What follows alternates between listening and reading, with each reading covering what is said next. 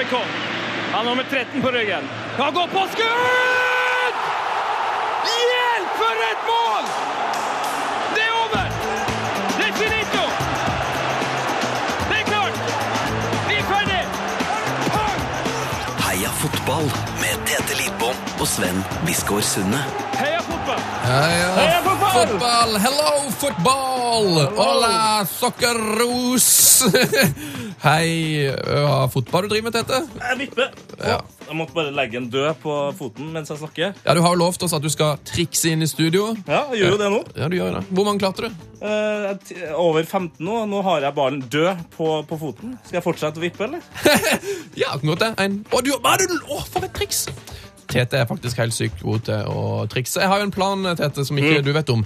Men eh, du har jo sagt sjøl at um, du mener at du kan spille i Tippeligaen eh, i løpet av ett år hvis du bare legger deg hardtrening. Ja, det har jeg sagt. Og mitt mål nå, som jeg håper at alle dere der hjemme vil være med på, si gjerne ifra på Twitter, P3 Heia Fotball, eller på Facebooken vår, P3 Heia Fotball, eller på Instagramen vår, P3 Heia Fotball, hvis dere vil støtte den kampanjen. Men jeg vil gjerne se det på ei Rosenborg-trening i løpet av året. Uh, Tar du utfordringa? om jeg tar den? Den er tatt. Den er tatt. Da skal vi prøve å fikse det. Altså, men helt seriøst.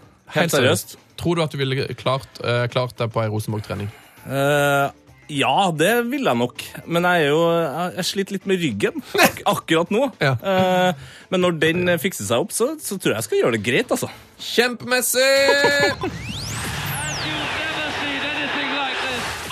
fotball! Heia fotball og velkommen. Vi pleier jo å, altså å oppsummere fotballuka eh, her i Heia fotball, men det, denne uka her skjer ikke det. Vi tok en minioppsummering som ligger ute på iTunes. Eh, der ligger det noe som heter en bonusepisode, hvor vi oppsummerte litt av, av sakene. Av all galskapen som har skjedd. Absolutt. Eh, men hvorfor er det vi ikke skal oppsummere uka? Jo, Jo. for det, i dag er det altså sånn at vi har den eh, beste gjesten man kan ønske seg. Vi, ja, vi har den æren av å, å få snakke med Arne Skeie i sikkert over en time, og det, det er sjelden at jeg er nervøs, altså. Men eh, jeg, jeg vet ikke om jeg er nervøs for å liksom snakke med henne. Det, eller kanskje ikke nervøs er riktig, eller? Sommerfugler i magen har jeg. Det gledes. Jeg tror bare vi eh, rett og slett trykker på en knapp her som gjør at eh, Arne magisk vis dukker opp hos oss. P3s Heia fotball. Heia fotball med Tete Lidbom og Sven Biskår Sunde. Arne Skeie, velkommen til oss. Tusen takk. Tusen takk for at jeg fikk være med på programmet deres. Er det en god dag for fotball? I dag er en veldig god dag for eh, fotball. Eh, Her på Østlandet så er det fint vær, og senere i dag så starter årets eliteserie med Molde mot Vålerenga, så dette, dette tegner til å bli et eh, fint år, og på høsten så er vi alle spente 9. september når vi begynner på veien forhåpentlig mot Frankrike med seier over Italia på Ullevål. Det hadde vært skjønt. Ja. nå nå var det, det var mye å glede seg til på én dag, sier jeg. Ja Men da. eh, det er jo sant. Det er sant. Eh, Jeg har hørt rykter i dag om at eh, det er bortimot din siste arbeidsdag. Jeg hører snakk om at det er kake og greier i kantina i dag.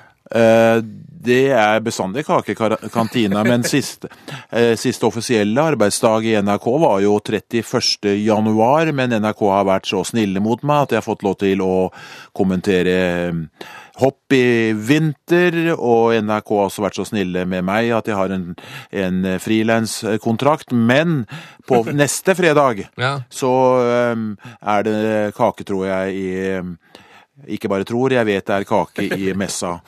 Eh, Og da, fra neste uke igjen, så er jeg eh, pensjonist på heltid. Yes. Hva skal du gjøre da?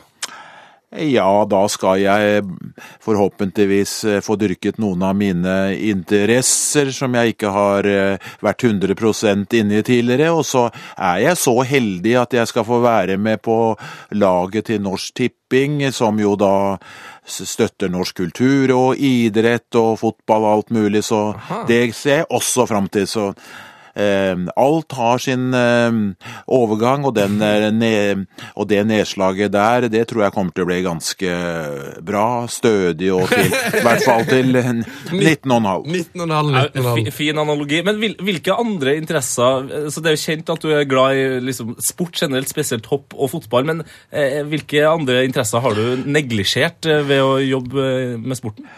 Ja, Det er vel eh, først og fremst å holde meg selv i, i form på alle eh, måter, både fysisk og psykisk, på den måten at jeg har eh, få, fått lest altfor lite. Jeg har mange bøker som ligger hjemme nå som jeg må igjennom, og eh, har i hele tatt være mer aktiv. Og så er det jo, tro det eller ei, det er ganske deilig at nå kan jeg disponere helgene slik jeg vil. Altså et Ja. langt i et langt og privilegert eh, NRK-liv så har jeg jo mer eller mindre vært engasjert hver eneste helg siden september 71. Ja, det er jo Det er jo helt, helt utrolig. Og det er jo sånn, helt ekstremt. Fotballspillere bruker å si at det skal bli godt å få helga tilbake. Ja. Men de har liksom hatt en 20-årskarriere. Eller ti. Ja, eller ti. Så her er du 42 år uten egentlig å få lov til å planlegge en helg. Det Ja, det, var jo, det har jo blitt mye bedre etter hvert der med arbeidsmiljølov og sånn, men de første årene så tror jeg nok jeg må si at jeg jobbet mellom 40 og 45 eh, helger i året. Å, hjelpes. Oi, oi, oi, det var litt av tid. Um, Arne, veldig hyggelig å ha deg på plass. Sånn som vi pleier å gjøre det her i fotball, så pleier vi alltid å fyre av et lite um, klipp eh, i begynnelsen, for å liksom sette stemninga litt. Så du skal få lov til å få høre en liten godbit nå, så bare len tilbake og hør på dette. Det er blodsrød! Det er blodsrød!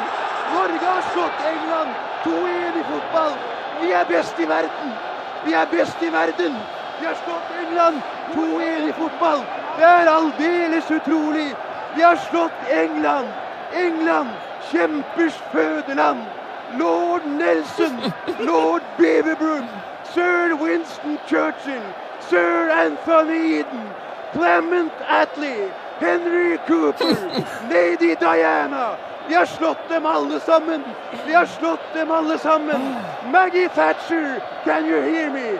Maggie Thatcher, jeg har et budskap til deg midt under valgkampen. Vi har et budskap til deg. Vi har slått England ut av verdensmesterskapet i fotball. Maggie Thatcher. Om de, som de sier på ditt språk i boksebarene rundt Madison Square Garden i New York. Your boys took a hell of a beating. Your boys took a hell of a beating. Fra Maggie Thatcher. Norge har slått England i fotball. Vi er best i verden. It's Norway 2, England 1. What Oi. a fabulous night for football. Vær så god, studio. Ja, Arne. Ja, Får du frysninger sånn som oss? ja jeg gjør det. det eh, for å, eh, å høre Bjørge, høre ramsen av eh, kjente engelske personligheter og, og minnene tilbake til 9. september i 1981 på Ullevål stadion, det er ja, det er, for å bruke ordet fantastisk. Var du på jobb den dagen du sjøl? Ja, det, nå er jo dere så unge, så dere husker jo ikke det situasjonen, men Jeg, var ikke jeg var ikke født. Nei, der kan du se. Nei, jeg, jeg var så heldig at jeg fikk kommentere kampen på NRK. Eh, Vi begynte den gangen, kampen begynte sju, vi gikk til halv åtte. Da begynte Dagsrevyen, og, i og den det siste kvarteret av første omgang så skjedde jo alt, så Dagsrevyen kom da inn med kom da inn med skåringene, og så var det live hele andre omgang på NRK1. Så, så det var Dagsre Dagsrevyen når eh, action skjedde? Ja, det var Dagsrevy, helt riktig. Det var eh, Hvordan løste dere det? Nei, det, Dagsrevyen eh, løste jo det på den måten at de hadde jo da eh, opptakene, og med en gang det var skåringer, så gikk de da inn og sa nå har det skjedd ting på Ullevål, vi går tilbake, og så kom skåringene. Ja, Nydelig. Eh, Bjørge Liljen, eh, er han et idol for deg? Ja, Bjørge var god venn, selvfølgelig. Vi reiste jo veldig mye eh, sammen, både på fotball og ikke minst hopp. Eh, det var jo to av eh, Bjørges store idretter. Det var hopp og fotball, og så må jeg jo ta med boksing, da. Å, boksing. Ja, for han får nevnt boksing her òg. Ja, han får med Henrik Cooper, det, for all del. Er du en boksemann, du? Ja, i, I utgangspunktet så er jeg jo generelt interessert i idrett, men eh, boksing er vel ikke det jeg først og fremst eh, tenk, eh, går etter når jeg skal eh, velge idretter, selv om jeg har veldig sans selvfølgelig for de, de gamle storhetene, og proffboksing på 50-, 60-, 70-tallet var jo enormt stort, så der fulgte jeg selvfølgelig med. Men hadde, det hadde jo vært deilig å få, uh, proffboksing til Norge, tror du ikke? Ja, det vil jeg jo helst ikke uttale meg om, da, for dette blir, det er jo et politisk eh, Det er jo det. spørsmål. Ja. Det er jo det. Eh, Men fotball er iallfall Det vet jo alle at det er en av dine virkelig store eh, elsk i livet. Og noe som jeg har spurt deg om før, Arne, eh, og da var du ikke så ivrig på å svare, for dette. du hadde lyst til å være, eh, framstå som objektiv da, siden du var fotballkommentator. Men eh, hva er ditt favorittlag? Det har liksom vært en litt sånn hemmelighet opp igjennom.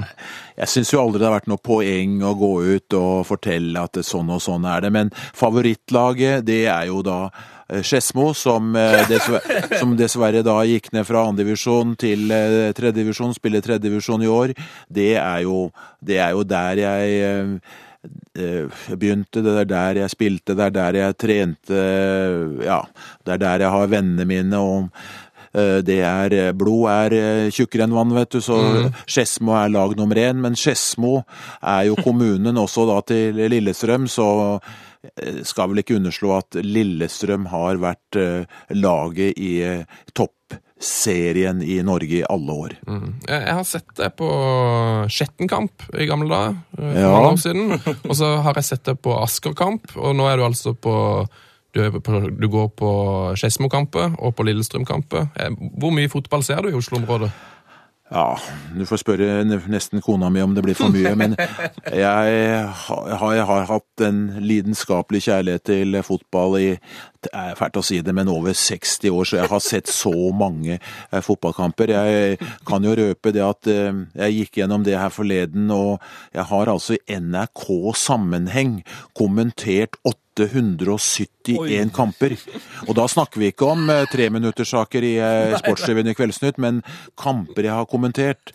Og i tillegg, altså dette er jo da fra 1970 1973, 1. Desember, og før det, ja, jeg reiste jo rundt i, i Norge, jeg reiste til England også fotball, og ja, jeg har sett utrolig mange fotballkamper, og det har vært en, en kjærlighet i hele livet. Det er helt, det er helt fantastisk. Det er nydelig. Jeg har lyst til å, jeg har lyst til å gjøre noe av det samme, egentlig. For, for, for det er noe spesielt, det her med å reise rundt, sånn som du sier, og se kamp liksom litt ned i divisjonene òg. Ja, for all Det del. er helt annerledes enn å reise til Manchester eller Liverpool og se kamp der. Ja, og når jeg var, eh, da jeg studerte og begynte å reise til England, så passet jeg bestandig på å, å se kamper eh, fra eh, den gang da tredje og fjerde divisjon. Var i, husker jeg var i Stockport og så kamp, var, i, eh, var på Laton Orient og så kamp, var selvfølgelig Milvold. Laton Orient eh, var jo da eh, på en måte for meg veldig viktig, da, fordi at eh, Hvorfor det?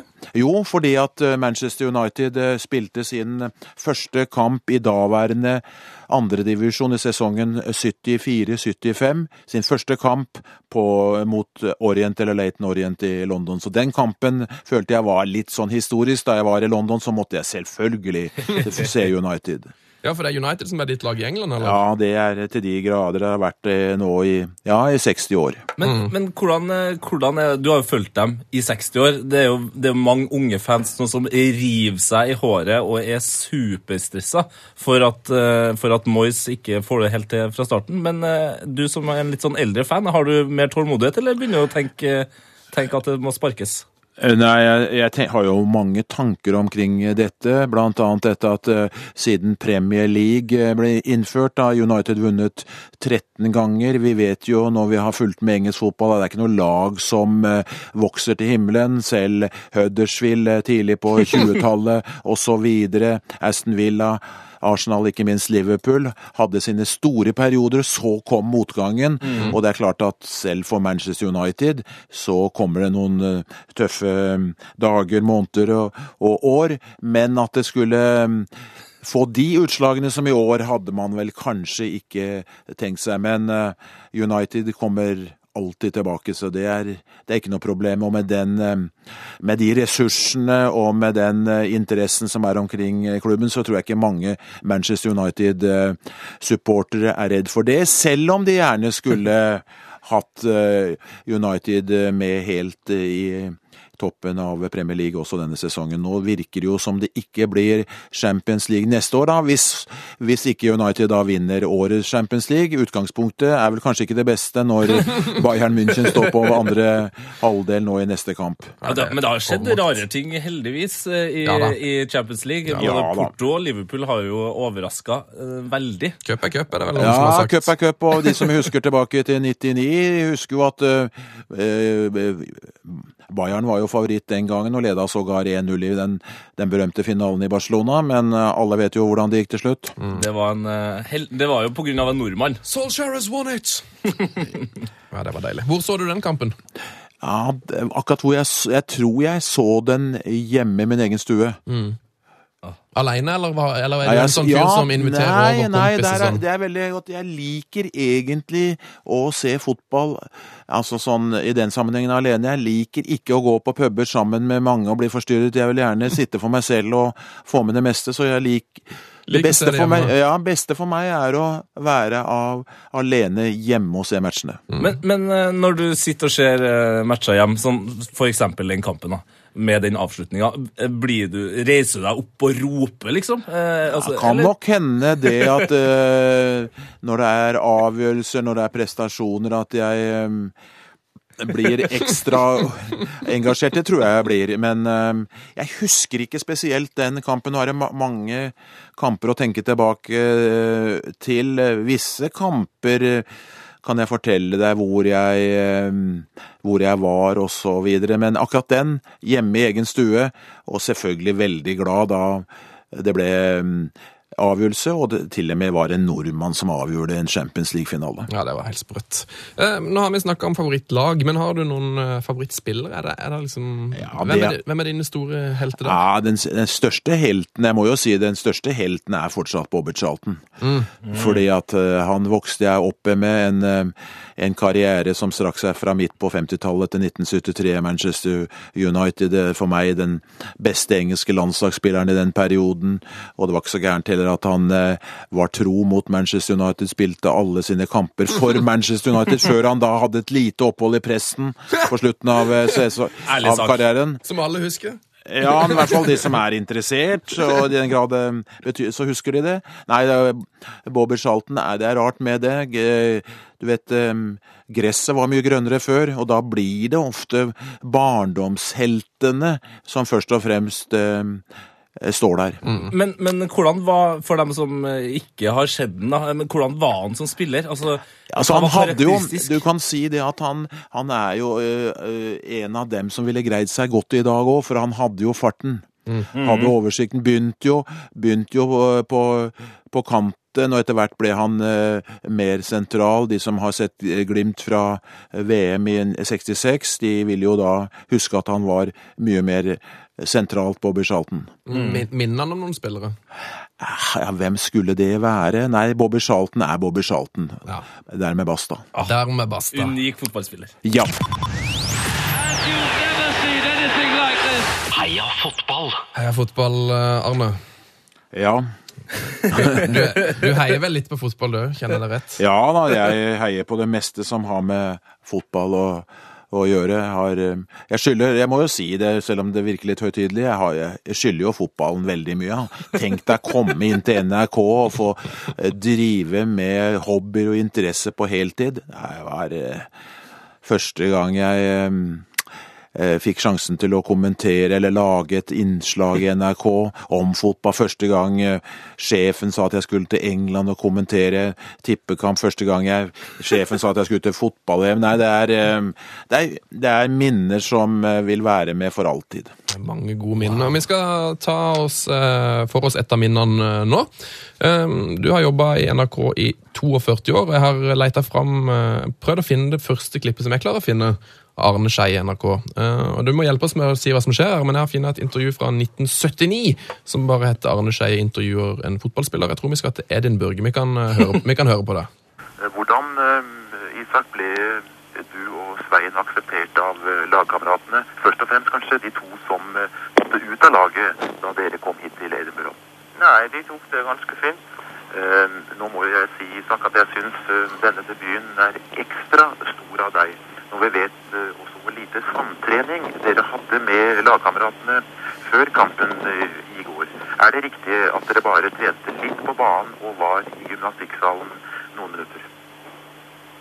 Ja, det stemmer det.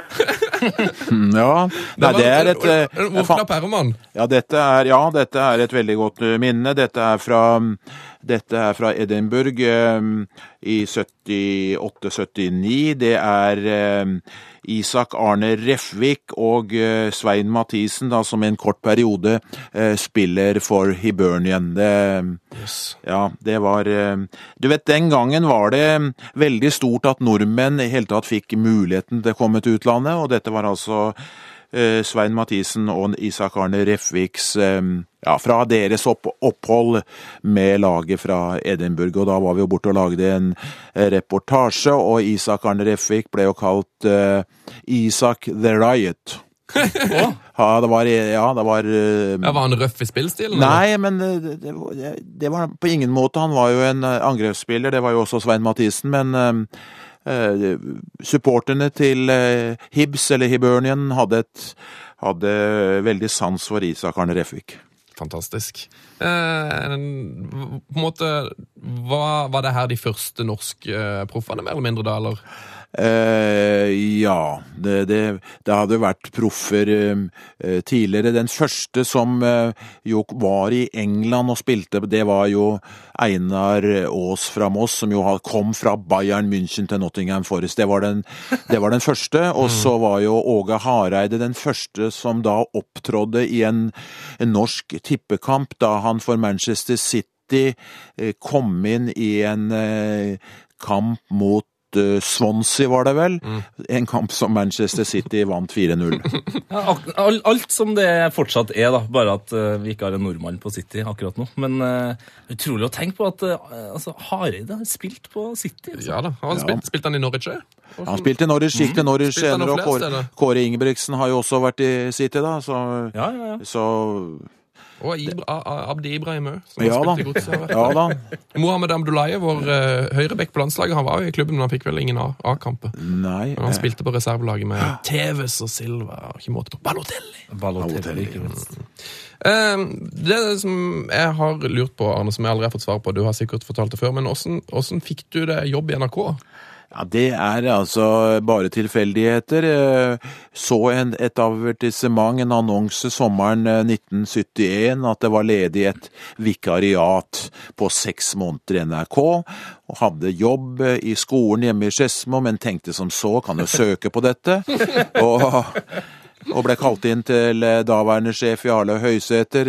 Syns Syntes det intervjuet gikk veldig dårlig, og så gikk det noen dager, og så ringte Høysæter og sa at jeg kunne begynne 1. oktober 1971. Ordnet det med skolen i Skedsmo, var ikke noe problem, og jeg begynte, og jeg fikk da prøve meg allerede 4. september i Stavanger på en, eh, på en kamp mellom Viking og, eh, og Sarpsborg som endte 2-2. Det var den første jobben jeg gjorde. Noe som var litt morsomt, det var jo Viking hadde jo da et eh, meget godt lag på gang. Eh, Sarpsborg hadde Egil Olsen på, eh, på laget. Driblevingen. Ja, og, og for å um, dra det over til NRK, da. Det visste jeg ikke den gangen, men senere har jeg blitt, eh, fått, for, eh, fått en forklaring fra Dan Børge at i pausen så spilte Dan Børge med um, gardemusikken. Så der, eh, Wow! der er det linker tilbake til 4. september, men eh, det som var helt klart den gangen, det var at det var et stort vikinglag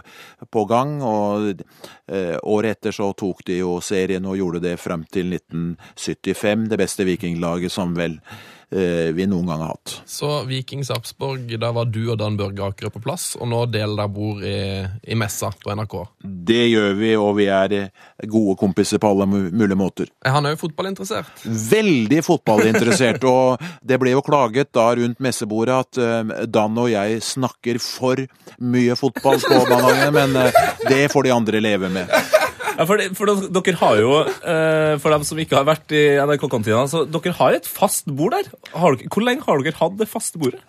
Ja, Nå spør du veldig godt, men jeg, hvis jeg sier de Altså, vi har jo hatt Jeg vil tro at det er en eh, 15-16 år, og de fleste har jo vært innom der. Der, der vanket jo Jan Otto Johansen, eh, Lars Jakob eh, eh, Krog, Bjørn Hansen, Pål Bang-Hansen, og, s- og så videre. Og så videre, ja. Hvilken formasjon går der ut i? Ja, vi, jeg tror vi holder oss til 4-4-2. Ja, det er en 4-4-2-gjeng, jo. Old school. Pål Bang som møtende spiss, kanskje? Ja, Pål Bang var eh, ganske tøff. Hvis det kom noen fremmede og satte seg der, så ga han klar beskjed om at dette bordet, det tilhørte de og de, og de, de som kommer uten lov, kan bare forsvinne. Ja, det er fantastisk. Um, Dan Børge han, han har spilt fotball sjøl, har han ikke det? Aftan Børge har jo vært, vært ledende. Har jo, han spilte jo for Viking, han spilte for Fløya i Tromsø, han spilte for Skeid. Husker jeg var på en eh, kamp i, i toppserien, det som det, ja, den gangen var det førstedivisjon det het, og han skåret for Skeid i, i Mjøndalen i en kamp vi var på, så eh, Dan var eh, en meget, meget lovende fotballspiller. Hvordan, eh, hvordan type fotballspiller var han? Offensiv, eller? Ja, og, og hadde relativt stor fart.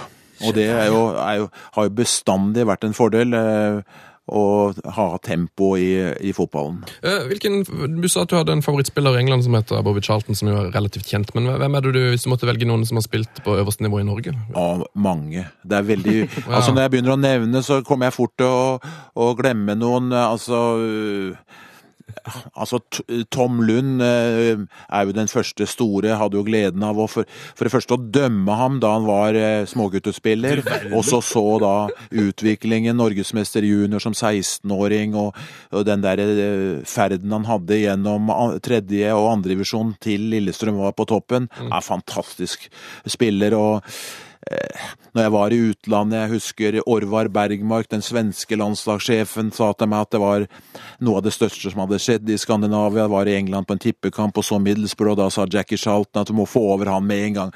Så det var eh, Men eh, vi har jo eh, veldig mange som er preget av å gå videre med Halvard Thoresen, Rune Bratseth, og det er farlig å nevne navn, for da glemmer jeg noen, men eh, her har vi noen av de aller, aller eh, største, og Ole Gunnar Solskjær, selvfølgelig Tore André Flo. Det er kunne det er bare å, time. ja, spørre dere ja, hvor mye, hvor mye tid har dere. Eh, vi har dessverre ikke tid til å ta alle, men eh, vi skal i hvert fall holde oss på mange av de du nevnte nå. For jeg tenkte vi må jo Noe som vi faktisk har snakka om som er en sånn slags fast spalte, hadde vel nesten blitt her i Heia Fotball, det er mm, Norge-Brasil. Eh, og det, for Alle som er innom her, har jo et utrolig sterkt minne til den kampen. Jon Hartvig Børrestad han, han var på vei til militærtjeneste i, på Balkan, så han måtte se Norge-Brasil på et hotellrom i München. Fikk inntrykk av han satt alene. Ja, og jeg så jo bare førsteomgangen, eh, og så eh, pressa stemora mi eh, både meg og farsan ut av eh, komfortsonen, og vi skulle kjøre fra Stjørdal til Bratsberg i Trondheim. Så Arne, jeg fikk faktisk ikke med meg andreomgangen. Det er noe Ja, av det, det er ille, men eh, he, heldigvis så kan du jo se en eh, på video senere, da. Du, jeg har, jeg har sikkert sett den 50 ganger allerede, altså. Ja, har, du, har, du, har du sett den mange ganger? Pleier du å se din egen kamp? Eller er det, er Nei, jeg sånn- pleier ikke å se Jeg syns det er eh, av og til litt ille. For du vet, der og da så har du en setting. Når du setter deg ned hjemme rolig for å, å lære av ting og gjøre ting bedre, så sitter og ergrer deg, og ikke minst den kampen det eh, gikk Det ble veldig mye kommentar med hjertet, og kanskje litt for mye med hjernen på slutten der, og jeg klarte vel den gangen å og uh, unngå riktig navn på matchvinner, riktig klubb, riktig fylke og alt, så Så du er faktisk ikke helt fornøyd med kommenteringa di? Nei, det, var, det rare var det at jeg var jeg, på ingen måte når jeg fikk roa meg på hotell og ringte hjem til en god venn, og så sier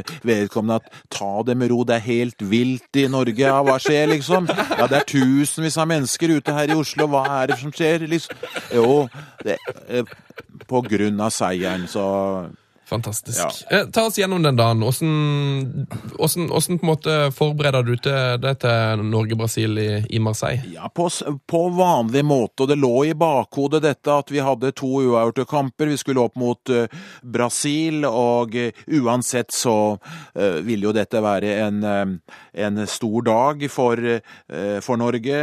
Andre sluttspill hadde ikke dummet oss ut, begynte, begynte greit, og så kommer Bebeto scoring, og jeg tenkte i mitt sti, stille sinn at ja, selv 0-1 mot Brasil, det er ikke så gærent.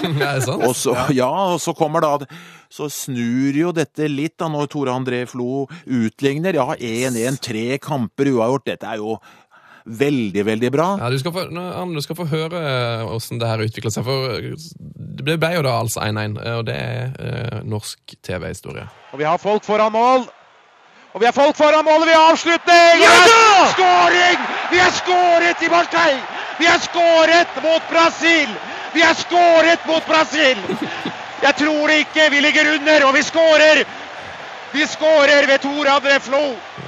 Og det her er ikke du så fornøyd med, Arne. Det, det, det Jo, er godt å tenke eh, på. det, er Den er fornøyd og fornøyd. Altså, jeg mener, dette kom jo der og da. Det er jo ikke et skrevet manuskript, og det, man må gjøre det beste ut av det. Man lever i situasjonen, og jeg, eh, jeg Greit synes- nok.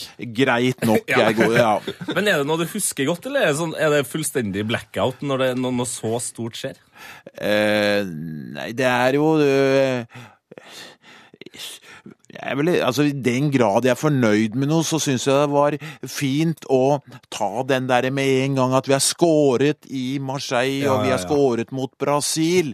Og så, ikke for å undervurdere noe av det Tore André gjør, men ofte så sier man at skårer Tore André Flo, men her er fornøyd med den derre eh, Vi har skåret i Marseille, det har jo blitt boktitler, og det har blitt alt annet etterpå, så den er jo eh, I den grad du er fornøyd med noe av du, det du gjør selv, så godtar jeg den. Ja, veldig godt å høre. Eh, Det var ikke en lett eh, kamp å kommentere, for dette det var en av norsk idrettshistorisk mest omdiskuterte straffesituasjoner. Det var helt kokos. Vi kan bare høre hvordan det utspinte seg på TV-en. Det det er kjørt for lengst. Og er det straffespark? Nei, vi, vi får ja! Er det straffespark, dere? Er det straffespark? Det er det! Er det straffespark? Skal vi komme videre på slutten? Det er spilt 42 minutter. Norge, så vidt jeg kan bedømme har fått straffespark her. Det viktigste gjennom idrettshistorien, fotballhistorien. Unnskyld alt. Men dette er helt utrolig hvis vi får straffespark av den amerikanske dommer. Og vi fikk straffe, men, Ja, men men- for de, som, eh, de yngste lytterne våre, så, så husker de kanskje ikke hvor lang tid det tok før man faktisk fikk, fikk, de, fikk vite det. Det var vel en pressefotograf nesten dagen etterpå som kunne Ja, bevise dette. ja, det var et svensk TV-team som, hadde, eh, som sto bak mål, som da hadde dette og viste det dagen etterpå. Det var jo veldig bra. Og det er jo noe av det som Altså, jeg, jeg hører jo at eh, dommeren blåser. Kan ikke se at det er At det skulle være noe galt der. Og jeg vet jo da at det ikke er frispark utover, og derfor kommer spørsmålet er det straffespark. Det, kan, det er jo det eneste kan være når det ikke er frispark utover. Men jeg får det ikke til å rime, for jeg skjønner ikke at det er straffespark. Ingen ser jo det. Og svensker og andre utlendinger som jeg snakket med, de sa å ja, igjen, Norge heldige får et billig straffespark. Derfor var det så deilig dagen etterpå å se at trøya til Tore André Flo sto rett ut etter at amerika, eh, den, den brasilianske forsvareren hadde dratt i trøya til Tore. Mm. Når uh, det, det koker jo i boksen her, det hører vi. Kan du bare beskrive ansiktet til Kjernås når det her skjer? Åssen reagerer han? Ja, ansiktet hans tror jeg jeg ikke ser på, for jeg er jo veldig opptatt av å, å følge med det som skjer ute på banen, men han er jo mer overbevist enn meg da med en gang at det er straffespark.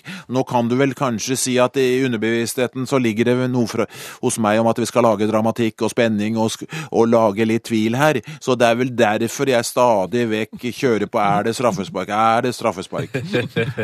Ja, bra, bra tips til kommende kommentatorspira. Ja, ja. Bygg opp stemninga. Ja, det er viktig, det. Så, så det var Nei, det Og etterpå, da, så får jeg jo eh, Når dette er slutt, så får jeg beskjed om å komme opp i studio. Til Graff? hvor- til Graff og Nils Arne Eggen, og jeg husker, fort, husker ikke mye fra det, men jeg husker jeg ba om, om sminke. Jeg skulle jo tross alt inn i, i Kveldsnytt, og da er det en som sier nei, du skal ikke ha sminke, du skal se ut sånn som du var, du skal være like gæren nå som du var, for dette var vilt. Du skal være like gæren, ja. Det er fint. Ja, du, det var vilt. Det var, altså, jeg husker det sjøl. Jeg satt på ei hytte utenfor Mandal. Det var jo på, Ja, for du så jo. det var jo på sjølveste sankthans der. Ja. Så det var jo en sånn festaften for- på alle mulige vis. Og vi hadde jo mer eller mindre gitt opp. Men når, da, det, når du da står der og skriker det er straffe, det er straffe, så står vi i sånn 10-15 stykker i Mandal på ei hytte, og det ropes at det er straffe, og folk bare raser inn og samles foran TV-en. En stor klynge for å se om det går inn. Eh, Og vi får bare håpe at eh, det ble mål. Vi kan høre åssen det gikk. Og Kjetil Rekdal fra Han skårer! Norge leder 2-1! Norge leder! Viva la Norvège! Og led Norge! Kjetil Rekdal og alle hjemme. Jeg har ikke opplevd maken! Og dette med det er fullt hjerte. 2-1 til Norge. Åh. Ja, det er eh, like morsomt å eh, høre at eh, Norge vinner 2-1. Og jeg har hørt fra ganske mange etterpå at den mentale styrken Kjetil Rekdal der viser, det er helt enormt. Ja, jeg- jeg- Alle forventer det, og han greier det. Ja, for jeg kjente, jeg, jeg ble igjen nervøs akkurat når jeg hørte klippet. Jeg bare tenkte på Tenkte jeg det han Altså, Han må jo helst ikke ha tenkt noe som helst. Ja, ja. Fordi å stå der og ta det straffet Og måten han tar det på, det er liksom Han, han, han er helt sikker på at det er der han skal sette den. Ja, og ta, eh, han må sette den der, og for vi ser jo da av bildene at eh, det Brasilia, eh, Brasils keeper Tafarel er jo etter ballen, men den er så godt plassert i riktig høyde, så ingen eh, keeper i verden hadde avverget eh, akkurat det straffesparket. Hva skjer for det etter, eh, etter en sånn utlading som dette? Går du hjem på hotellrom og, og, Ja, og det var legger deg, eller? først var det jo da eh, til Espen Graff og Nils Arne Eggen, og så ruslet jeg hjem, og da måtte jeg snakke med folk hjemme hvordan, hvordan var dette, for jeg, du hørte jo også på dette kuttet at eh, jeg hadde ikke klar, helt klart for meg at det var Kjetil Rekdal som uh, kalte han ikke Reknes. Ja, altså, Ja. Du, du har nesten en sånn, får litt sånn annen, annen aksent på, på stemmen. Jeg tror du kaller han Rekdal i det klippet her, men kanskje du kalte han Reknes på et annet tidspunkt? Ja, det, så jeg måtte jo liksom få eh, en bekreftelse på at det ikke var helt eh, over alle støvleskafter. Og så da kom disse utbruddene om at det er altså en stemning i Norge nå, folk er ute i alle store byer, og det er ikke måte på. Så da ble vi sittende, husker jeg, på, eh, på hotellet og tenkte vi snakket jo da om neste kamp og sånn, men nå hadde liksom Norge gjort sitt, slått eh, Brasil. Vi må jo også legge til da at selv om Brasil er, var klare, så er det jo ingen proffer som vil tape. Og eh, vi må jo helt tilbake til 1966, da, VM i England, for å finne siste gang Brasil tapte en kamp i, eh, i grunnspillet. Ja, det er helt sjukt. Eh, Vi har fått eh, en mail tidligere, en, en av våre lyttere som heter Lars, med heia fotball til Nei, heia fotball, krøllalfa nrk.no på, på e-post. Og han har spurt at vi, han vil at vi skal spørre gjestene våre hvilken fotballkamp du husker best. Så det passer jo bra å spørre det om det nå, Arne. Hvilken Ja. kamp er det som Ja, jeg, det er jo veldig mange kamper jeg husker godt. Første tippekampen jeg fikk eh, sjansen til å kommentere Leicester Tottenham 1. desember i 93, for all del. Første VM-kampen mellom eh, eh, eh, Vest-Tyskland og, Chile i 74. Eh, to englandskamper på Ullevål. tre 2-1-seieren i 81, 2-0-seieren i 93, Nederland-kampen i 92, og ikke minst da de to eh, VM-kampene. Den første etter krigen mot uh, uh, eh, i 1994, da vi vinner i, i Washington 1-0 over Mexico for all del. Og så denne kampen her. Det, jeg har inntrykk av at alle som er litt eldre, de husker hvor de var da Norge spilte mot Brasil. Ja, jeg mener jo at eh, vi skal Vi kan la eh, Oddvar Brå sin stav få ligge litt, og at det her kan bli det nye 'Hvor var du?' når Norge slo Brasil. Det, det føler jeg er riktig nå, altså. Jeg syns det er på tide. Mm. Glemmer Glemme staven. Men eh, Arne, Ja. nå nevnte du opp en hel haug med, med kamper. Du, du, Lars vil jo gjerne vite hvilken. Og si at ikke du har lov til å si Brasil, da. Hvis du skal plukke en kamp, hvilken er det som er, er, den all, er det aller eh, sprøeste for deg? Nei, det Når du nevner ordet sprø, så tror jeg jeg tar Norge-England jeg er på Ullevål i 93, Ja. da Norge vinner eh, 2-0. Og England på en måte gir opp på slutten. Og England eh, eh, ja, England blir spilt ut i perioder, og der får vi eh, også et par skåringer, i hvert fall den siste skåringen til eh, Lars Bohinen, den er jo tatt rett ut av den såkalte læreboka. Den, den overgangen der som ender med at eh, Lars eh, skipper den ballen over Wood som ligger nede, det, det er et, ja, det er et da, da, for da så jo de norske spillerne altså det, det var jo liksom starten på gullalderen, og da, da var jo de på liksom, kanskje forbi høyden eh, til mange av engelske spillerne i, i litt sånn teknikk og utførelse. Det var litt av det som var sånn spesielt med den kampen. også. Ja, så og- Lars Bohinen så jo helt sinnssyk ut. Ja, og det at de, altså, de trodde så, sånn på det de drev med, så den kvelden tror jeg ingen hadde stoppet uh, Norge. Og den uh, forvirringen som preget det engelske laget i forsvaret der, med hvem skal etter Flo og Ja, nei, det, det var uh, Det var helt enestående, det med den Jeg tror nok den da eh, kommer, og den la jo også grunnlaget for at vi kom til USA-VM i 94. Deilig. P3s Heia fotball. Heia fotball. Med Tete Lidbom og Sven Biskår Sunde. Yes, eh, Går det bra med deg, Arne? Trenger du noe vann, kaffe, eller vil du bare kjøre på videre? Jeg kjører gjerne på videre. Jeg har to eh, kopper med kaffe i messa, så dette går fint. Veldig bra.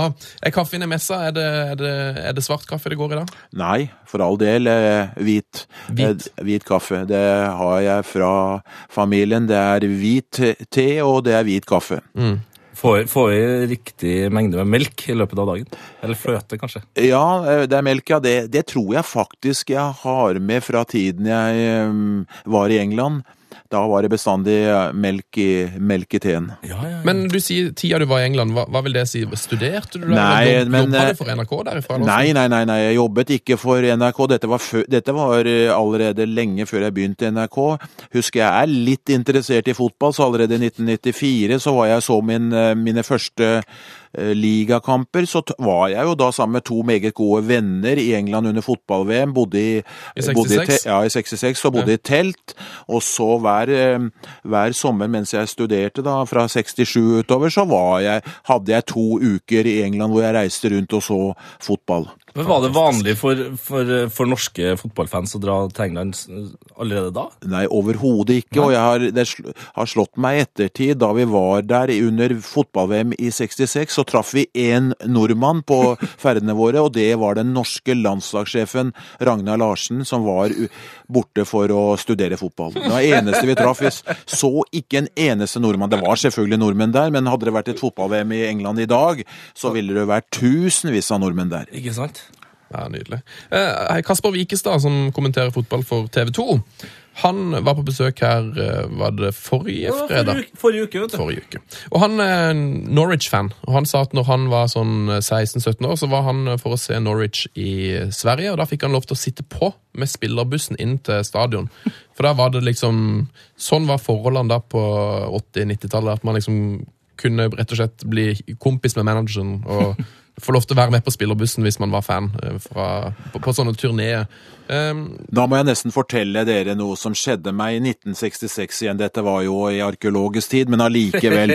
det, det illustrerer litt av utviklingen omkring eh, fotballen. Norge hadde besøk av England. Det var altså før fotball-VM i England sommeren 66. England var på en turné, spilte mot Finland og var i Norge. Jeg vaket selvfølgelig rundt garderobene der like før kampen. Og jeg, du må ikke spørre meg hvorfor, men en mann som var ansvarlig for garderobene, kommer bort til meg og spør meg liksom er du interessert i England, i engelsk fotball og i fotball. Det kan du trygt si, sa jeg. Har du, og så kommer spørsmålet, har du lyst til å være med inn i den engelske garderoben? Ja, og da sier jeg er det mulig? Jeg skal snakke med Alf Ramsey. Og det gjorde han og sa du kan få være med inn. Og jeg har ikke ja, nå da snart 50 år etterpå har jeg nesten ikke kommet over sjokket. Kom inn i garderoben, og hvilket syn møtte meg like før avspark? Jo, samtlige engelske spillere satt og drakk te. Var det oppvarminga?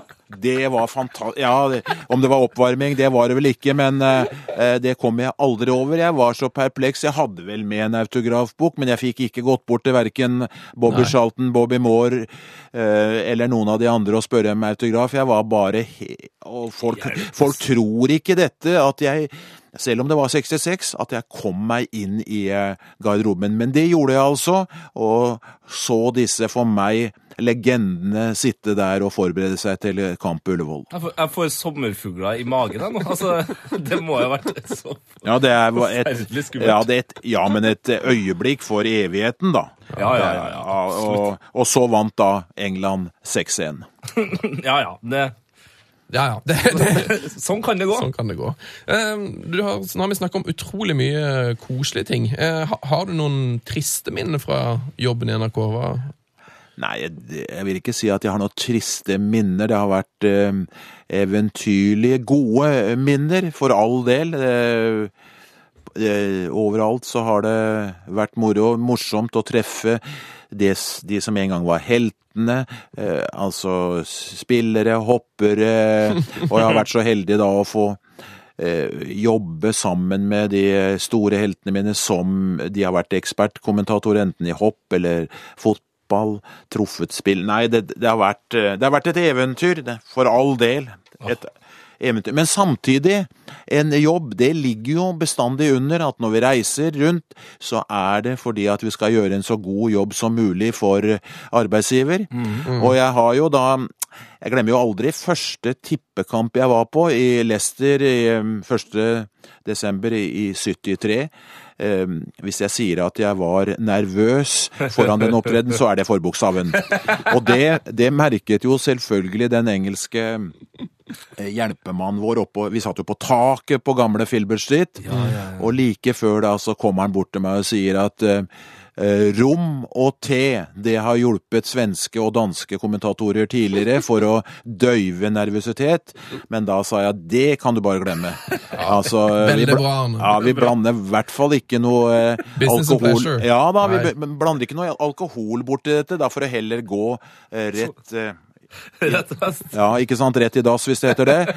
Men eh, det var litt skremmende at, eh, at han kommer med dette alkoholspørsmålet til såkalt profesjonelle gåseøyne kommentatorer. Ja. Eh, Men det var en annen tid. Du sier dere satt på tak og kommenterte kampene. Nå har du fått eh, din egen boks på Ullevål. Ja, eh, hva skal jeg si til det? det jeg får bruke ordet uvirkelig. Ja, det, ja, det er jo det. Ja, det er det. Arne Skeie har fått en egen kommentatorboks som vel nå er blitt en del av mm, museumsguidaturen på, på Ullevål. Eh, hva, hva, er, hva er det som, for, Forklar oss den boksen. Jeg har ikke vært der. Hvordan ser det ut inni der? Eh, Ja, det er et eh, ja, det, er svære, det er mange bilder. Altså, jeg må jo si de har vært flinke som har funnet alle de rare og i gåsehudene morsomme bildene. Og så er det en rekke utsagn som jeg har kommet med opp gjennom årene, som er klistret opp da på veggen der. Og noen bilder og, og en slags CV som jeg er. Og, og de har også funnet ut at for meg, da, skal de tre største kampene jeg har kommentert på Ullevål, være de to englandskampene i 81 og 93, pluss nederlandskampen i 92. Så der har de gjort en veldig god jobb, Fotballforbundet. Der kan jeg ikke si at jeg er uenig når det gjelder det utvalget. Um, vi, vi har, eh, før du kom, så har vi sendt ut eh, varsel til våre lyttere om at de kan sende inn eh, spørsmål til Arne Skeie. Eh, og Det har kommet inn en eh, haug med spørsmål ved heiafotballkrøllalfa.nrk.no. Tusen takk for det. Jeg har fått et spørsmål her fra en fyr som er anonym, men han spør i hvert fall hvilken fotballkommentator, eller hvilke fotballkommentatorer er dine favoritter? Ja, det er et godt spørsmål. Jeg, jeg har jo fulgt med fotball, som dere forstår, fra arkeologisk tid. Og eh, allerede tidlig på 60-tallet, eh, overgang 50-60, så satt jeg hjemme i Skedsmo og hørte på kortbølgen eh, fra England. De, de sendte den gangen andre omgang fra kamper på lørdagene, og så var det da klokka seks en oversikt over alle resultatene. Og eh, Den første som eh, imponerte meg, var en som het Brian Moore, som jobbet da i BBC, som senere kom til ITV og var kommentator sammen med meg på tippekampene. Og det var altså så stort. Og for bare fortsette den Da Norge spilte mot England i 81, så hadde jeg altså gleden av å være ute sammen med ham og Ron Atkinson på en lang, lang lunsj. Og da Ja, det var den første. Så, er, så har jeg jo forbildene mine, jeg må jo si det, fra, fra England. Eh, eh, både Barry Davies i eh, BBC, John Motson i BBC, og ikke minst eh, Martin Tyler da oh, i, eh, Martin. i Sky Sport, som jeg møtte tidlig på 70-tallet, da jeg fikk anledning til å være med Brian Moore i studio, så kom eh, Martin Tyler inn med et referat fra en kamp i tredjedivisjon. Så eh, jeg føler at eh, disse folkene, de har jeg for det første kjent lenge, og de har jeg et nært forhold til. og jeg syns det er fantastisk fortsatt i dag å sitte og følge Skys kamper og høre Martin Tyler kommentere. Ja, er Det er, altså et eh, Ja. han er et unikum. Ja, og så er det veldig eh, Da jeg eh, da jeg dro på mine første kamper, så ble det jo liksom hvisket noe om at du må ikke, komme, du må ikke forberede deg for mye. Da skulle man eh, ha truffet disse engelske John Motson og eh, Martin Tyler og se Der er ikke mye å overlate til tilfeldighetene. Altså, du, du setter pris på at man på en måte er, kommer vel forberedt. Det er viktig for deg. Ja, men det er jo en del av jobben. Den eh, respekten må du jo også vise overfor seerne. Du kan jo si ganske mye om kommentatorer, og noen eh, liker mora, noen dattera, men det skal i hvert fall ikke brukes mot deg at du ikke forbereder deg til jobben. Det er akkurat det. det. For selv om det her er, fotball er jo din lidenskap, så er du jo, du er jo på jobb. Vi er på jobb, og det, det er det utroligste eh, poenger eh, disse gutta har kommet til meg med foran kamper. Du Arne, forresten, har du fått med deg det at det og det i dag så er det hvis, hvis Oven scorer i dag, så er det sånn og sånn. Ja, ja, ja. det var, å, fantastisk poeng. Jeg, altså Min eh, karriere, det er kanskje ikke så mange som eh, har tenkt på det, men jeg har vært opptatt av de fotballjournalistiske poengene. Har jeg de, så er jeg veldig happy. Men de skal komme der og da, når, eh, når det skåres av den eldste gjennom tiden, eller den yngste, eller det er det hundrede målet, så skal det komme der og da når det skjer. Det er ikke noe poeng å begynne kampen med det, eller ha det på et annet sted, men Ja, på et godt ri- poeng. riktig tidspunkt skal det komme. Ja, Det er et veldig godt poeng, for hvis det da skjer noe med Hvis, det, hvis han blir bytta ut eller scorer eller sånn, og så legger til den informasjonen Ja, og det, det Der var de engelske kommentatorene foregangsmenn, vil jeg påstå. Og, og der lærte jeg utrolig mye av disse folkene jeg har ramset opp nå. Eh, apropos karriere. Eh, har du en fotballkarriere sjøl? Spilte du lenge sjøl? Alle har spilt fotball. Jeg eh, spilte i Skedsmo til junioravdel, eh, juniornivå. Eh, jeg var sikkert ikke god nok, men jeg kom i sin tid med på kretslaget i eh, Vestre Romerike, som det het den gangen. Rått. Men når det er sagt, så blir jo de fleste eh, fotballspillere bedre med årene. Jeg må være så ærlig å si at jeg var nok teknisk og kanskje taktisk ganske god, men jeg var altfor treig. Jeg hadde ikke tempo. Nei. Jo, men altså, det, jeg, og jeg innrømmer det 50 år etterpå. Det er jo så mange som blir bedre og bedre. Jeg ble ikke bedre og bedre. Jeg var for dårlig, og så ble jeg skadet, og så da ble det litt trenerjobbing, og jeg begynte å dømme fotball før jeg da kom til fjernsyn, og da var det slutt med dømming, for her var det jobbing i helgene, og da var det ikke mulig å kombinere det. Men var du en, eh, var du en eh, teknisk eh, midtbanespiller? Nei, jeg var en, midt, jeg var en, en midtstopper, og da kunne man jo komme litt unna med det at man ikke hadde den store farten. Men, men altså, tempo altfor dårlig. Oh. spørsmål fra Petter Nærum. Han spør om alle cupfinaler du har kommentert. Hvilken husker du best? Eh, Det er jo også et veldig godt spørsmål. Det er ofte den første brann mot eh, Altså når du snakker om Norge. Brann mot Sogndal i 76, den husker jeg veldig godt. Eh, Sogndal som kom fra intet, fra tredje nivå opp mot Brann på et Ullevål stadion som ble flislagt. Det var jo så håpløse forhold, så det var, det var jeg holdt på å si fliser overalt. Og utlandet trodde det var snø, så det ble jo sendt over hele verden, de opptakene. Den husker jeg selvfølgelig godt. Og så husker jeg jo, må jeg jo si at jeg husker den siste eh, cupfinalen nå mellom Molde og Rosenborg. Også fordi at alt omkring det Igjen, jeg får bruke det uttrykket helt uvirkelig, hvor jeg ble kalt ned for å snakke med statsministeren og ble kalt ut på banen i pausen. Det er eh, Ja. Så eh, det er vel naturlig den første og den siste. Og så ergrer det meg fortsatt selvfølgelig litt at NRK og TV-sporten ikke lot meg få se kampen mellom Strømsgodset og Rosenborg i 1973.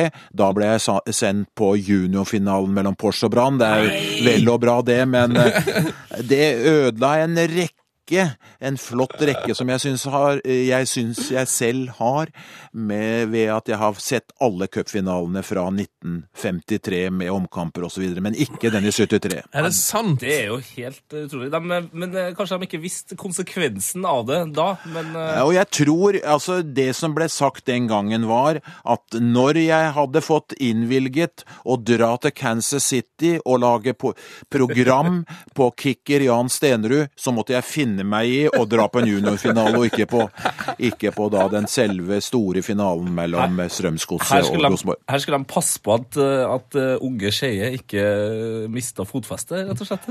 Ja, det, og, og fordeling, var sikkert riktig det, Ja, men ja. sånn i ettertid, og jeg syns det var hyggelig å reise ned og se en uavgjort kamp mellom eh, Porsche og Brann, men eh, sånn ettertid har det vært morsomt å sett eh, straffemålet til Steinar Pettersen på Ullevål. Så det var kanskje mm, det her var, Jeg spurte deg i stad hva som var det dårligste minnet ditt. Det var kanskje liksom det, den største ripa, da. Ja, det er vel ikke det. Altså, jeg må jo, må jo gjøre det arbeidsgiver setter meg til å gjøre, og de, de mente jeg burde dra dit, og da får jeg godta det. Ja, det er veldig bra. Eh, Du virker som en eh, hva skal man si, en eh, veldig grei fyr å ha ansatt, Arne. Det må du nok spørre lederne mine i NRK om. Ja, jeg, har fått et, jeg har nemlig fått et tips av en av dine kollegaer hvor jeg skulle spørre deg om um, Du pleier å takke nei til mange ting, og da sa han at det må du spørre han om, for det gjør han aldri. Uh, Du takker aldri nei til noe som helst, har jeg fått, uh, fått beskjed om. Jo, det gjør jeg vel, men uh, faren min sa bestandig det, det koster ikke noe å være hyggelig mot medmennesker. Ja, det er sant. Oh, ta det med dere videre. Ta lyttere. det, ta det med deg videre. Um, hoppuka. Vi må, snakke, vi må snakke litt Vi må hopp snakke hoppører nå. Ja, for all del. Hopp er veldig viktig. Kombinasjon hopp og fotball er fin. Eh, Du har eh, vært hver, hver eneste nyttårsaften så er du i utlandet. Ja, jeg har vært der eh, hver eneste nyttårsaften da fra, fra, først, fra 31. desember i 72. Åssen er det? Ja, Åssen ja, er- er- er- fortoner nyttårsfeiringa seg det det, det er altså Hele hoppuka er en fornøyelse for meg. Men det som vi har vært inne på, under ligger det at det er en eh, jobb. Og da er det jo forberedelser, og det er å ta det veldig rolig på nyttårsaften, som jeg for så vidt bestandig har eh, gjort. Men eh, det er å ønske de nærmeste der nede godt nyttår og legge seg klokka tolv. For jeg vet det er en, en utfordring med, med rennet første nyttårsdag. Det, ja. Hvem er det som skal ta over eh, stafettpinnen etter Arne Skeie på kommenteringa? Har, har du noe om det? Selv om jeg skulle ha noe om det, så vil jeg jo selvfølgelig ikke si noe. Dette regner jeg med at ledelsen i NRK takler på, på en fin måte, som de alltid gjør. Så det tenker jeg ikke noe på. Men eh, det er jo, jeg må jo si det, for fam, fam, familiefedre eller -mødre, så er det jo en utfordring, da. For det er, det er fredag, lørdag og søndag fra slutten av november til nå. Så, så, Så- så den som eventuelt takker ja, må, må få høre seg med familien før Ja, hvis, hvis det blir bare én, så er det hver helg eh, i mange måneder. Så, og, da, og da ligger noe av det som jeg mener er viktigst for en kommentator. Det er å være interessert. Ja, Ja. det må Er ligge i man, er man ikke interessert, så er det vanskelig hver helg å reise rundt og og kommentere om det er fotball eller uh, ski eller andre idretter. Mm. Jeg har hørt at du, um, som jeg sa, at du stiller opp Du er veldig glad i å stille opp og være hyggelig mot folk. Og jeg får inntrykk av at det er mye forespørsel om sånn type 50-årsdagshilsener og bryllupshilsen og sånne ting. Stemmer det? Ja, det er en del av det, ja. Det er en del av jobben, si. Hvor mye da? Nei, det er hvor mye, det kan jeg vel ikke si, men øhm, det kommer stadig vekk henvendelser, og det koster jo ikke så veldig mye å sende en hilsen, og det koster ikke noe å være hyggelig.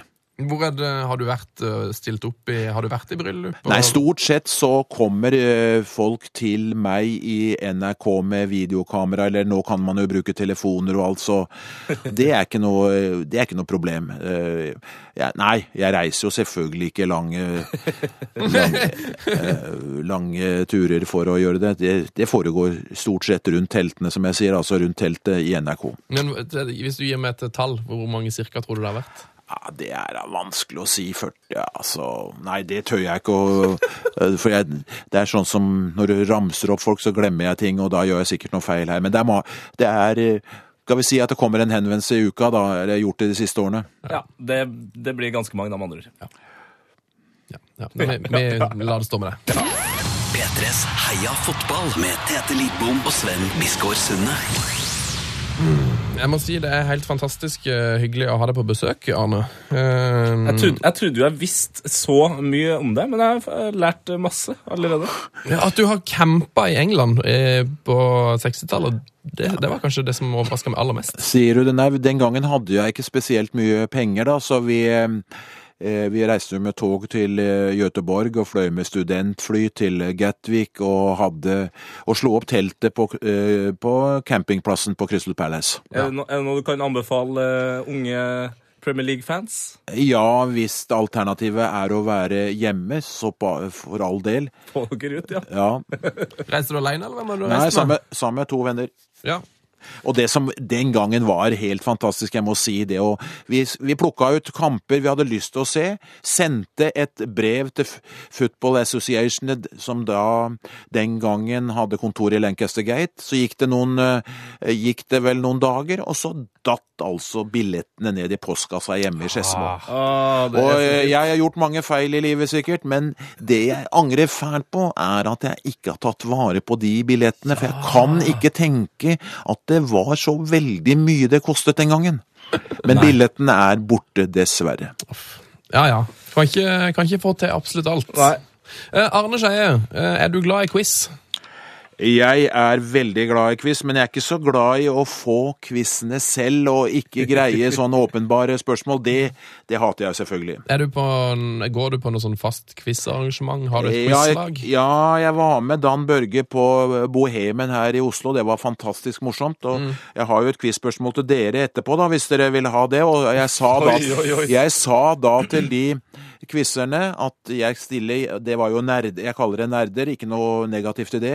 Eh, Jeg sa til dem at dere skal få et av meg når dere absolutt skal ha et spørsmål, og så vil jeg ha svaret på arne.skeie, alfa nrk.no dagen etter. Jeg, har, jeg har ikke fått ett navn. Jeg har ikke fått ett svar. Men Nei, så, nei, nei. så jeg håper nå at det er mange oppegående lyttere hos dere som kan ta det når jeg nå etter hvert eh, Yes. Men yes, dere har tydeligvis noe til meg, og det er jeg veldig spent på. Ja, eh, vi har en, et konsept som jeg er, er veldig stolt av, Arne. Veldig, veldig stolt av det. Det er nemlig noe som vi kaller for Ukens rekke. Og det går fra episode til episode, for vi har jo sending hver fredag, så det syns jeg var ganske smart å komme på. Er du ikke enig i det?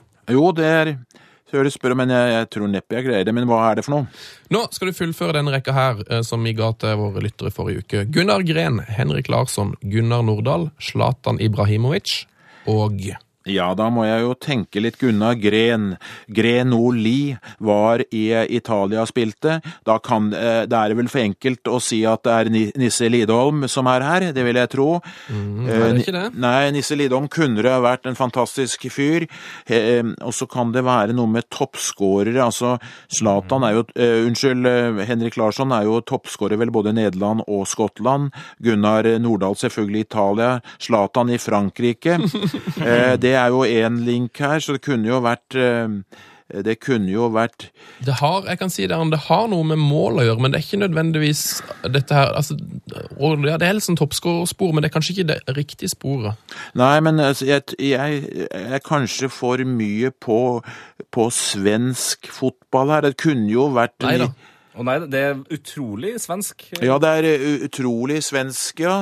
Eh, Kurre Hamrin eh, Altså, når jeg ser disse navnene, så er det jo Kurre Hamrin en av eh, de jeg kunne tenke meg. Spilte jo da i Fiorentina, og var vel da Men da går det kanskje litt på da Gunnar Nordahl var jo fem ganger vel toppskårer i Serie A, så da Det var jo ikke Nisseli... Nei, det var jo ikke Kurre Hamrin. Nei. Nei, det er eh, Ja, det, lev, det, Det er, en, det er en lands... Det har noe med det svenske landslaget å gjøre. Det har noe med det svenske eh, Det er ikke Rydell som leder. Sven Rydell som har flest Er dette ditt endelige svar, Arne Skeie? Ja. Det er helt riktig! Det er helt riktig! Hvorfor er det helt riktig? Nei, altså, det er vel da eh, Hvorfor det er helt riktig? Zlatan eh, Jeg vet jo at Zlatan da jager rekorden som Rydell har. Det er helt riktig. Det stemmer. Men denne var, denne var jo ikke lett, da. Nei da, det, det her- var han absolutt ikke. Det er faktisk så vanskelig at det er første gangen mm, vi har fått eh, så mange feil, feile svar. Mm, det er mange som ikke har klart den. Ja, nei, altså de som Jeg må, vil gjerne høre de som eh, Snakke med de som greier denne, altså. Ja, nei, de, altså, det som er greia er at Alle som har klart denne her, de har hatt ei uke på seg. Så der tror jeg det har blitt googla og diskutert Og nå masse. må du få fram det at jeg denne gangen Nå skryter jeg litt av meg selv. Jeg har ikke hatt hjelpemidler her. Ikke Nei, sant? Nei, det er, så det Men er du litt har Arne Skeie sin hjerne. Det er en Nei, fordel. det, den er ikke Det er mange som har mye, mye høyere intelligens enn meg, men jeg er jo litt si det fotball.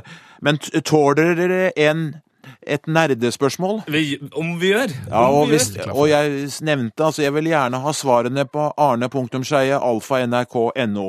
Det er ikke nø- Og jeg sa, jeg sa til dere, og jeg har sagt tidligere, dette er et nerdespørsmål. Men jeg vil ha navnene på de fire hopperne som etter krigen har deltatt i A-klassen, eh, eliteklassen i Holmenkollrennet, og samtidig har de fire spilt på det norske fotballandslaget, A-landslaget. Altså fire hoppere som også da har vært fotballspillere, og til og med vært på det norske A-landslaget, og de fire hopperne har deltatt i A-klassen i Kollen. Og for å gjøre det ekstra vanskelig, alle vet jo at Bjørn Wirkola aldri har vært på det norske A-landslaget. Åh, det er for et nydelig spørsmål. Ja, fantastisk. Jeg tror kanskje jeg har eh, bare ett navn der som er Og det er ikke helt sikkert på riktig. Kan jeg få lov til å teste den, eller vil du at Ja, du skal for all del, for all del.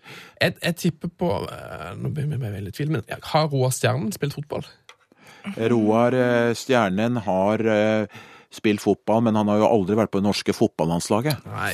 A-landslaget. Nei, ikke sant? Der Nei, her må vi eh, det, det, Jeg har vanskelig for å få fram noen noe navn her, kjenner Ja, jeg. det er men, jo eh, fantastisk. Vi, Men vi det her er for lytterne nerdene. skal- Skal jeg bare eh, komme med en lite Det var litt morsomt her for noen år siden, eh, da jeg ble klar over en av dem. Jeg, eh, da, da jeg ble klar over vedkommende, så gikk jeg for å finne noen flere. Jeg var ute på en joggetur, og så eh, traff jeg vedkommende i Frognerparken, og så sier han til meg at det er veldig moro nå med, eh, med hopperne. Og så sier jo jeg da eh, som vedkommende som jeg forbinder med fotballspiller, er du interessert i hopp? Og så sier vedkommende til meg, Arne Skeie, jeg er hoppet i Holmenkollen. Den er stor. Og da måtte jeg finne eh, hvilke andre som også har gjort det. Så det er opprinnelsen, altså. Ja, det er opprinnelsen.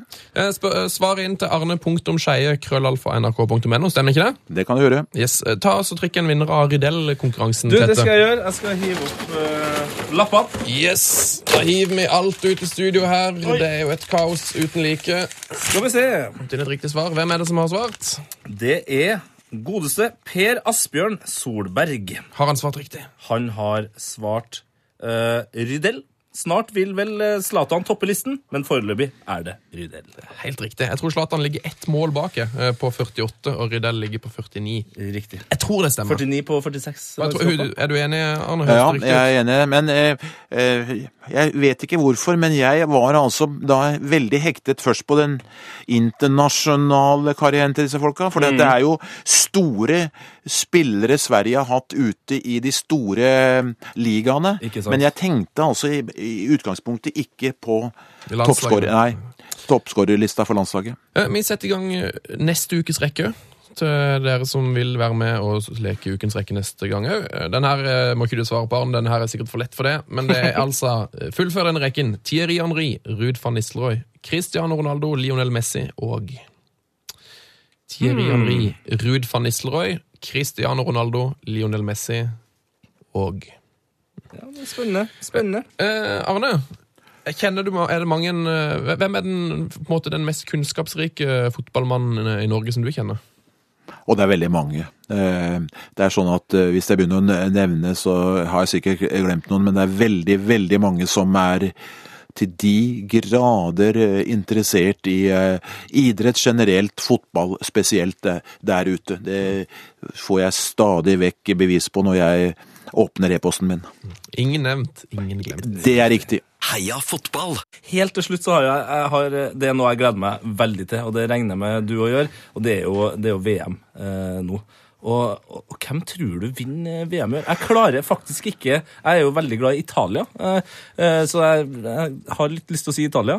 Men jeg klarer ikke å komme på hvem som skal vinne VM. Kan du gi det beste tipset her? Eh, Jeg, kan, jeg er ikke noe god til å tippe, men dette foregår i Sør-Amerika, og da tror jeg fort det kan bli et lag fra den verdensdelen, og da er det jo Brasil eller, eller Argentina.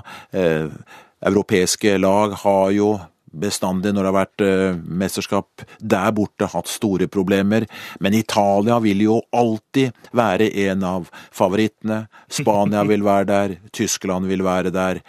Ja, først og fremst eh, Spania og Tyskland, etter min mening, fra Europa. Eh, hvis eh, NRK ringer denne årene, og det er eh, av en eller annen grunn så har det skjedd sånn at de ikke har kommentatorer på, på bok. Eh, hvis NRK ringer og ber deg kommentere VM, eh, hadde du klart å takke nei? Ja. Nå, eh, det, jeg har vært innstilt på i mange, mange år at 2014 er det siste året, så det ville jeg greid. Nå får jeg heller leve ut med min frilanskontrakt i NRK. Kanskje så blir det et intervju under eh, fotball-VM, men jeg, jeg sitter hjemme og følger fotball-VM. Jeg har faktisk vært så heldig at jeg har fått være med å dekke fotball-VM ni ganger for NRK. Det er jo helt eh, eventyrlig, det også. Så 2014, da er vi her i, i Oslo, følger fotball-VM fra Norge. Åh, for en fest det blir. Ja, det blir helt nydelig.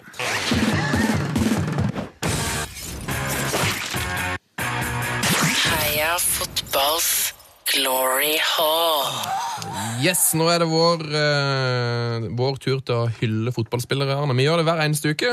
Så har vi en eh, Glory Hall hvor vi hyller rett og slett favorittspillerne våre. Ja, Spillere som ikke nødvendigvis bare er gode på banen, men som eh, har det lille ekstra, eller er Et stort hjerte. stort hjerte. Så, Eller har underholdt eh, Myggen er her, for eksempel. Han, han hylla jeg, så jeg er veldig veldig glad i Myggen. Ja. eh, Maldini, Maldini er der. Ronaldinho, Sigurd, Sigurd Rushfeldt. Eh, Batistuta. Tom Høgli. Jeg lover Tom Høgli kommer til å komme ja, der en gang. Eh, Hvis du skal hylle én spiller, Arne Skeie, hvilken er det, sånn, er det en sånn litt snodig, litt annerledes spiller som du har satt litt sånn ekstra pris på, som kanskje ikke er den beste? ja, det er mange. Du vet, eh, jeg har jo sånne favoritter fra alle lag, så det er igjen veldig urettferdig å begynne med én én spiller der. Eh, Det blir jo ofte en, en såkalt local boy, da, som engelskmannen sier, som har eh, vært med hele tiden og vært eh, Kanskje de jeg eh, setter mest pris på, de som har vært trofaste mot eh, laget sitt i mot og medgang, og, eh, og dem er det mange av. Litt sånn Morten Berre, Ryan Giggs, Ja, for all del. Kunne, sånne folk. ja. Nå er det altså klart for å åpne dørene igjen. I dag er det en litt eh, spesiell eh, runde, for i dag har vi nemlig fått en mail. Ja, vi, vi slapp å gjøre jobben. Ja da. Og den mailen her, den, Den er fin. den er kjempefin. Eh, Det er nemlig en mail til deg, Arne. Eh, Det er en lytter som har, når han hørte at du kom, som hadde noen ord han ville si til deg. Så eh, len deg tilbake, og så skal du få en eh, liten hilsen. Det er fra Ørjan, det her, da. Eh, Hei, P3 Heia Fotball. Jeg har en tilståelse å komme med i dag. Mandag 24. mars kjørte jeg bil ved Blindern. Imot meg kom en bilist som ikke overholdt vikeplikten sin og kjørte på når veien var innsnevret grunnet en bil på hans sin side av veien. Jeg ble provosert og kjørte bilen i møte slik at den måtte stoppe. Jeg så på bilen og slo oppgitt ut med armene og ristet på hodet. Mannen i bilen viket ikke. Det var en ekte Fleksnes-situasjon. Men det var ikke før bilen jeg møttes tok sats og smatt forbi meg at jeg så hvem det var. Det var Arne. Jeg ble med ett tynget av skyldfølelse og fikk vondt langt inn i magen. Hvordan kunne jeg sitte her, 27 år gammel, ung og freidig, og riste på hodet til en av de mennene som har betydd mest for meg og min generasjons fotballinteresse? Jeg vemmes over tanken! Jeg vemmes over at jeg ristet på hodet over en mann som jeg hadde så stor respekt for. En mann som har gitt meg så utrolig mye glede. Så, kjære Arne. Jeg beklager, og jeg takker. Jeg takker deg for utallige minner og gleder som du har gitt meg på en innsiktsfull, engasjerende og fantastisk måte. Jeg takker deg for at jeg i dag, 27 år gammel, er den fotballidioten som jeg er. Jeg takker deg for all den unødvendige triviaen jeg har opparbeidet meg i håp om at jeg en dag skulle kunne like mye om fotball som deg. Jeg takker deg for alle de timene jeg har latet som om jeg var fotballkommentator og innledet sendingen med 'Det er en fin dag for fotball'. Jeg takker deg, Arne Skeie, og jeg hyller deg. Jeg hyller deg som en ekte og sann fotballambassadør. Den ekte og sanne fotballambassadøren som du er. Kjære Arne, hos meg er du eh, Nei, hos meg har du alltid forkjørsrett. Fra nå av og til evig tid, med vennlig hilsen Ørjan Kronheim. ja, det der var Ja, det var bare vakkert, og jeg har sikkert ikke fortjent det, men uh, tusen takk til eh, Ørjan. Jeg skal, kan love ham at jeg alltid har gjort så godt jeg har kunnet. Feil, feilskjær har det vært. Det er, vi er mennesker alle sammen. Uh, men uh, igjen, dette har vært en eventyrlig fotballreise og en, et veldig, veldig langt opp. Oh. Eh, Arne Skeie, vi må òg si, som eh, Ørjan sa her, at eh, det har vært helt fantastisk å vokse opp med det som en venn på fotballskjermen. Så tusen takk for at du var vår gjest. Ja, herre. Og tusen takk for at du kom innom, og for at du er, for at du er vår alles kjære Arne. Ja, jeg må bare si Jeg, jeg må jo bare få takke for at jeg har fått anledning til å drive med hobbyer og interesser hele livet, og, og gledet meg til å dra på jobber, gå på jobb hver eneste dag. Heia, her- fot heia fotball, Arne. Ja, heia fotball! P3s Heia fotball. Ny episode hver fredag. Last ned din nye favorittpodkast på p3.no podkast. P3.